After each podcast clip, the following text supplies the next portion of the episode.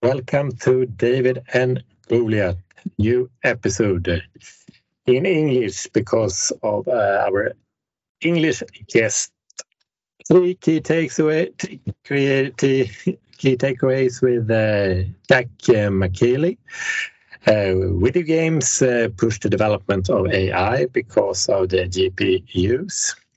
AI can shorten the development time by describing what to build, but not the storyboards and the goal of the games. Advice to corporations develop the top software layer on top of a service, not the application level. Three interesting AI news from the week. Uh, Microsoft offers uh, $15,000 to those who can make their Bing AI malfunction or act unexpectedly. Google AI search now create, uh, creates images and drafts. And number three, Apple will invest $1 billion per year to integrate generative AI. So ask yourself, how much are you investing in AI? This week we have Sumedh Datar as our guest. Welcome, Sumedh. Hi. Uh, yeah. How are you? I'm doing good. Um, so yeah, I think before um, I get started, I would like to say that um, whatever I talk are all my personal opinions. I do not represent any company. Whatever t- I talk is primarily just to share knowledge and for educational purposes. So yeah, I'm doing good. Thank you so much for having me, Gustav. Uh, my pleasure. Where are you based in the States? Uh, I'm based out of Dallas, Texas, USA. Okay, but you um, you moved there quite recently. Where did you uh, spend your first years in your life? Yeah, I'm originally from India. I was born and raised in uh, Bangalore in India, and then uh, I worked in Bangalore for a while. Then I came to the US to do my masters, and post masters I've been working in the US. How come you did your masters in the US? Uh, sorry, I didn't get you. How come you moved to US to do your masters? Aren't the schools uh, they are quite good in uh, India, aren't they? Yeah, that's definitely true. But uh, what happened is uh, my career is slightly unconventional. I started my career in uh, biomedical engineering, and then uh, I started working in the field of imaging, which was heavily code intensive and uh, core machine learning research. And I realized that I and I could also see that gap in uh, my skill set, and I wanted to fill that gap. Uh, I did see a few options in India, but uh, changing tracks in India is slightly harder. Uh, and um, I uh, approached several universities in the US, and they were they wholeheartedly accepted. And I could make that transition to computer science, and then I did my master's in computer science, and I filled the gap finally. and what is computer science for those who doesn't uh, know that? Uh, computer science is basically uh, it's about uh, interacting with machines and making the machine do some kind of a work for you or you identify a problem sometimes it's humanly not possible to solve it and then you write code and that's how you interact with the machine and then you get a solution and then you use the machine to solve the problem. Pretty much that is computer science and i guess the, the machines can solve a lot of larger problems today than a couple of years ago.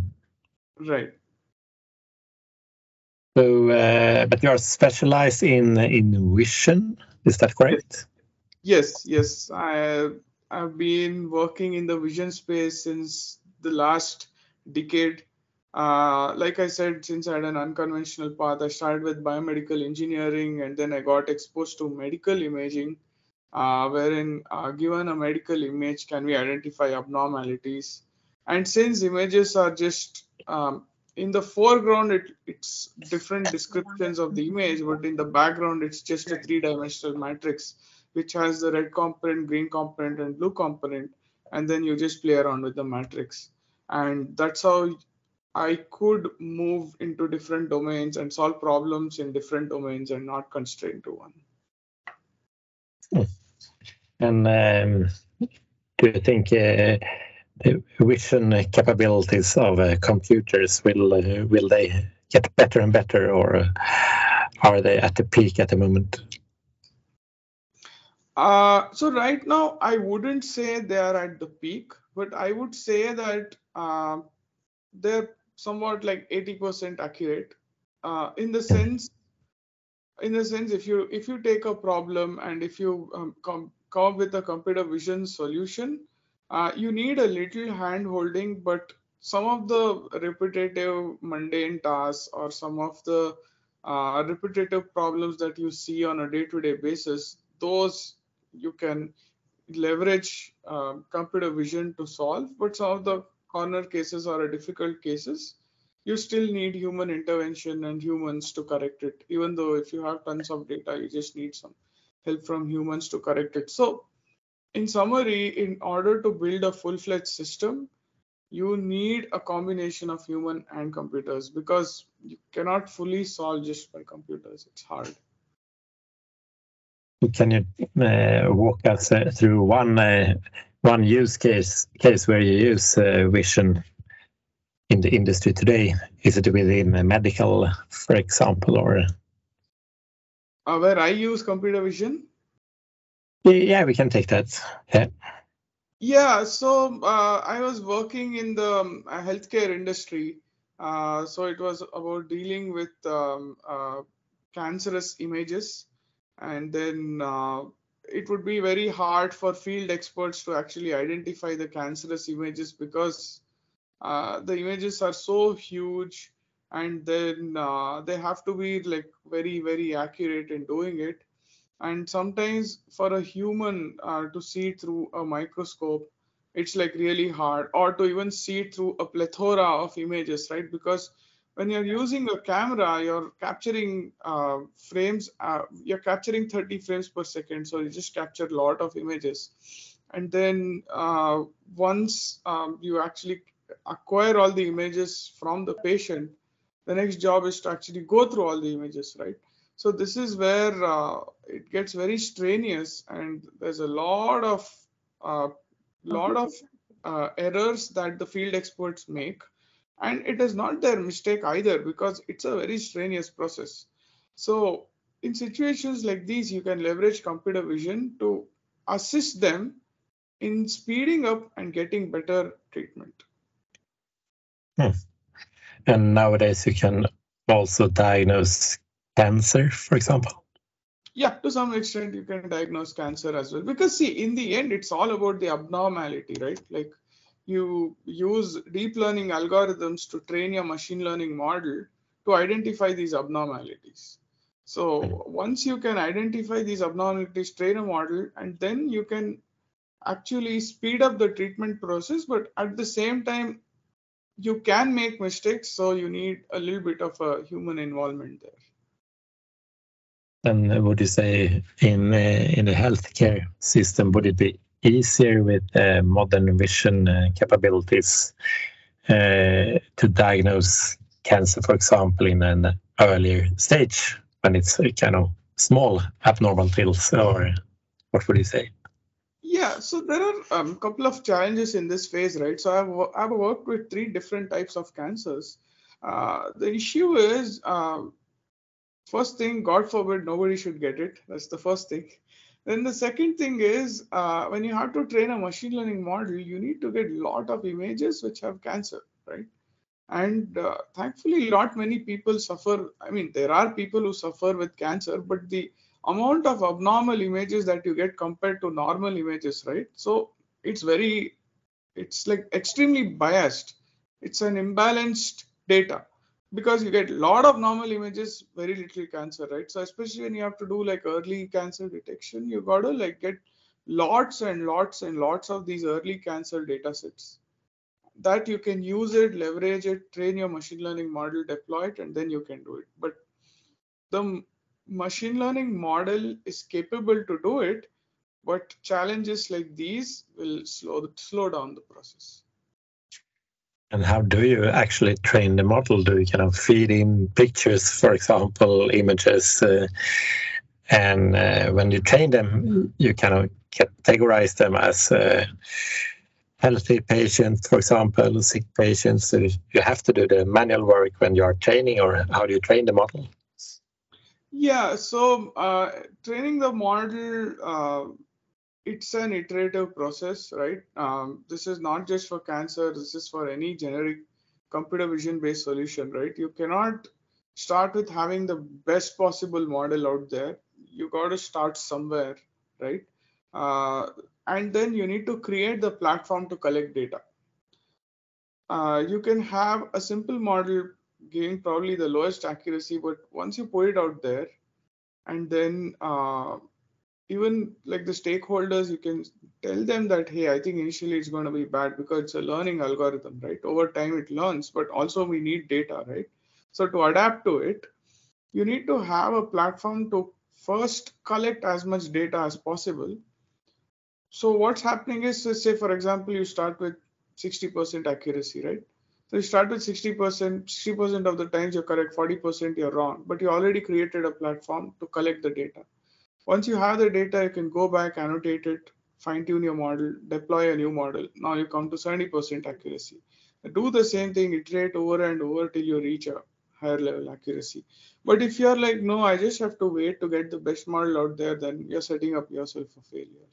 So the whole strategy is to collect as much data. Like take for example, autonomous cars, right? Like probably what I've read, like take for example Tesla they may not have like the highest level of self-driving capability but they just have tons and tons of data that nobody in the world has apart from them. And anywhere in the world right not just in us they have deployed their uh, they call it as robo taxis which are essentially the cars all over the world. So they have data all over the world. They have snow data they have desert data they have regular data they have traffic data. And now they can take all that channelize and then get best models out there and solve the problem. So uh, creating a platform to collect data is a good step to start with when you're dealing with computer vision based problems. And uh, yeah you have been working and studying computer science for a lot of years. Uh, are you surprised of the latest development within ai and computer vision yeah, definitely. I think uh, what happened was uh, 2012 is when actually the breakthrough in computer vision happened. Until 2012, the field was not advanced enough. But after 2012, uh, when the first uh, AlexNet paper came out uh, from uh, the lab of Geoffrey Hinton, um, I think that's when the advancement in computer vision happened relatively quickly. And no, it's and um, that's when I think they defined the concept of convolutional neural networks, and then subsequently it moved towards transformers, right? Um, so I was pretty uh, surprised about how uh, the adoption moved completely in the last decade from convolutional neural networks to transformers, which are doing similar tasks but are way more accurate. And what about the latest uh, version of ChatGPT? Is it called ChatGPT V? Uh, uh, the letter V in the end? Uh, I mean, the latest ChatGPT model, I think what I've noticed is it's um, it can do both vision, it can do audio, it can do text, and it can like it's basically an amalgamation of natural language processing, computer vision, and audio. It's bringing all these models together uh, with one single model. Uh, I think that's what GPT-4 is doing, and um, uh, that's something very powerful. And is that the latest version? I guess that is interesting for your work as well. Yeah, to some extent, uh, haven't really ventured too much into that, but uh, on a research side of things, definitely uh, I have like gone through some parts of it and uh, seen how um, great how great of a concept it is yeah do you um, think it's a good tool ChatGPT v yeah i no i think uh, the thing is um, or the beauty of transformers, right? So what would happen is prior to transformers, you had the convolutional neural networks which would identify patterns. Now the transformers, it's basically like a set of stacked layers, which has like the encoding part and the decoding part. And it is so agnostic that you can put any kind of data because in the end, you're just dealing with matrix, right? So you can put any kind of data into it and then you can do a supervised learning by saying hey i want the target to be this way and then the entire architecture can do what you actually want so it's very agnostic and very powerful that way what about um, the opportunities uh, within ai from here forward? What do you think are the greatest opportunities? So when it comes to opportunities right um, I think I can put it into like say three pillars. Uh, the first pillar is like doing core research and taking a current model architecture and improving on top of it, right? That is uh, one skill set I see. Then the second skill set is, hey, you have the algorithm, uh, you have the business problem. All you have to do is stack it together and then build a product, right? Like for example document summarization talking to a document uh, like you don't have to like do extensive training but there are open source models out there or probably you can use chat gpt and then you can talk to your document and solve the problem and the third type of skill set is identifying the problem like telling them or telling the company or telling the team that hey this is a problem that we can use gen ai and solve it right so i can see three different um, skill sets that's required moving forward in the AI space. It's definitely evolving. And what about the threats? Are you afraid of the development within AI? Are you afraid of the future because of AI? Uh, what? Sorry, can you repeat? Are you also a bit afraid of uh, what the future brings within AI? Ah, no, not yet. Uh, I don't. I don't think you can build the best model out there. Uh, so the other thing with AI systems, right? You also need to understand the cost that's involved in building AI systems. Uh, it comes with a it comes with a slightly heavier cost. It's not that cheap, right? Uh, so it's about a trade-off. Like, are you ready to throw that much money to solve some part of your problem, or you are okay with a model that's less compute heavy, but you're okay to bring in humans a bit. And also, it's not just that, even if you throw as much compute, like take, for example, ChatGPT, right? These models, they hallucinate a lot. That means they make up stuff. Some of the information is not factual.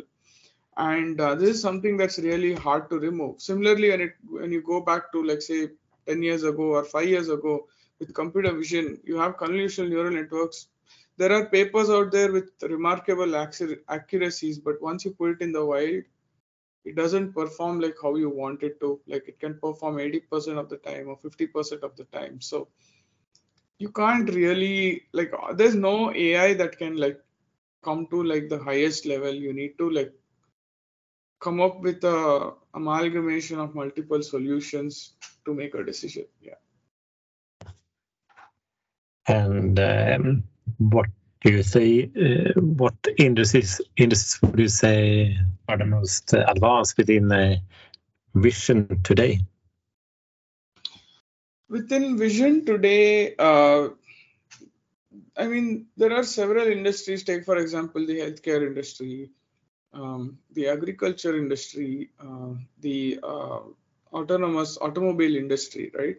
Uh, the beauty with computer vision is you can identify the problem so quickly and then you don't need to have a research scientist to sit and solve the problem for you there's so much support out from the open source community that you can pick up any model that you want and quickly build a solution which has impacts which are like probably worth in several million dollars or saving time of someone with several hours so um, I think in these areas, uh, such solutions will uh, be very impactful moving forward. Hmm. and uh, what industries or have you thought about any problems that could be solved with uh, vision today that aren't solved that way today? So, uh, like take for example in the manufacturing sector, right? Uh, if you want to like identify a defect in a system, right? Uh, you can quickly use a computer vision model to actually tell you whether it is defective or not.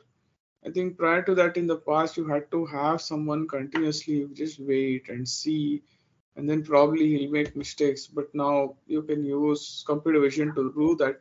Not necessarily just deep learning. Take, for example, you can use like a dual camera or a stereo camera, get the point clouds, see the mm-hmm. standard point cloud, and see the defective point cloud, and then you can actually say whether it is defective piece or whether okay this passed through. You can do things like that. And i think without computer vision these things would be like really hard. Or even take for example these um, delivery companies they are trying to estimate the number of boxes that could be kept in a truck. And this is only possible by computer vision because you take a photo of the box and then you get the dimension of the box and then when you load it into a truck uh, you know the truck dimension, you know the area, volume, and then you know how many boxes fit into it. So these problems were not being solved once upon a time, but with computer vision and evolving algorithms, you can actually solve it today. Impressive. So Norwegian startup, I think it's called Spacemaker, uh, doing some analysis of uh, how to be- best optimize a building, for example. Right, right. Mm. And uh, and what about the insurance, for example, uh, car accidents uh, when your car get destroyed? Can I use um, vision technologies in that space as well? Uh, yeah. So take for example in the insurance space, uh, you can take photos of your car and then uh, you can send the photo to the cloud and there's you can run it through the algorithm and then see where there's a defect.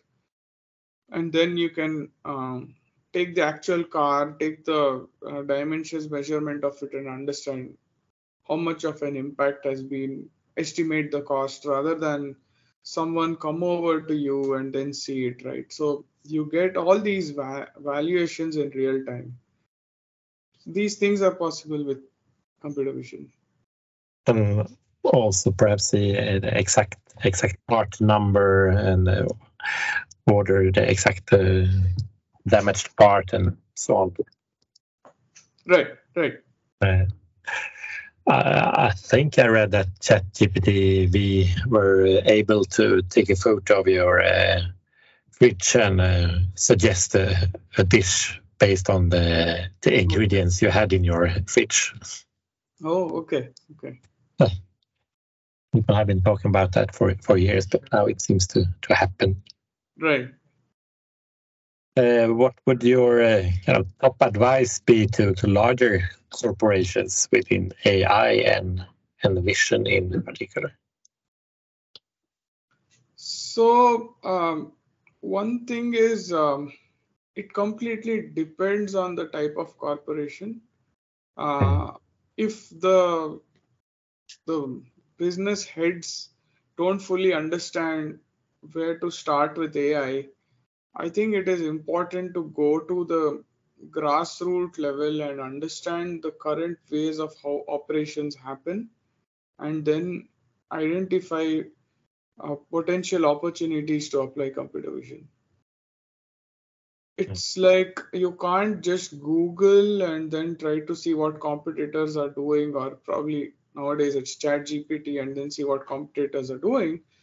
But you need to definitely have people who can go into the grassroots level and understand how the operations are actually happening and where there are pain points that can be solved with computer vision. And would you advise be to to startups uh, uh, looking for problems to be solved and uh, interesting opportunity within uh, AI and computer vision that you have been thinking of that you let the audience know about? Uh, for startups, um, I think they have to come up with solutions which are viable and which are cheaper and uh, would definitely have some uniqueness compared to what is out there.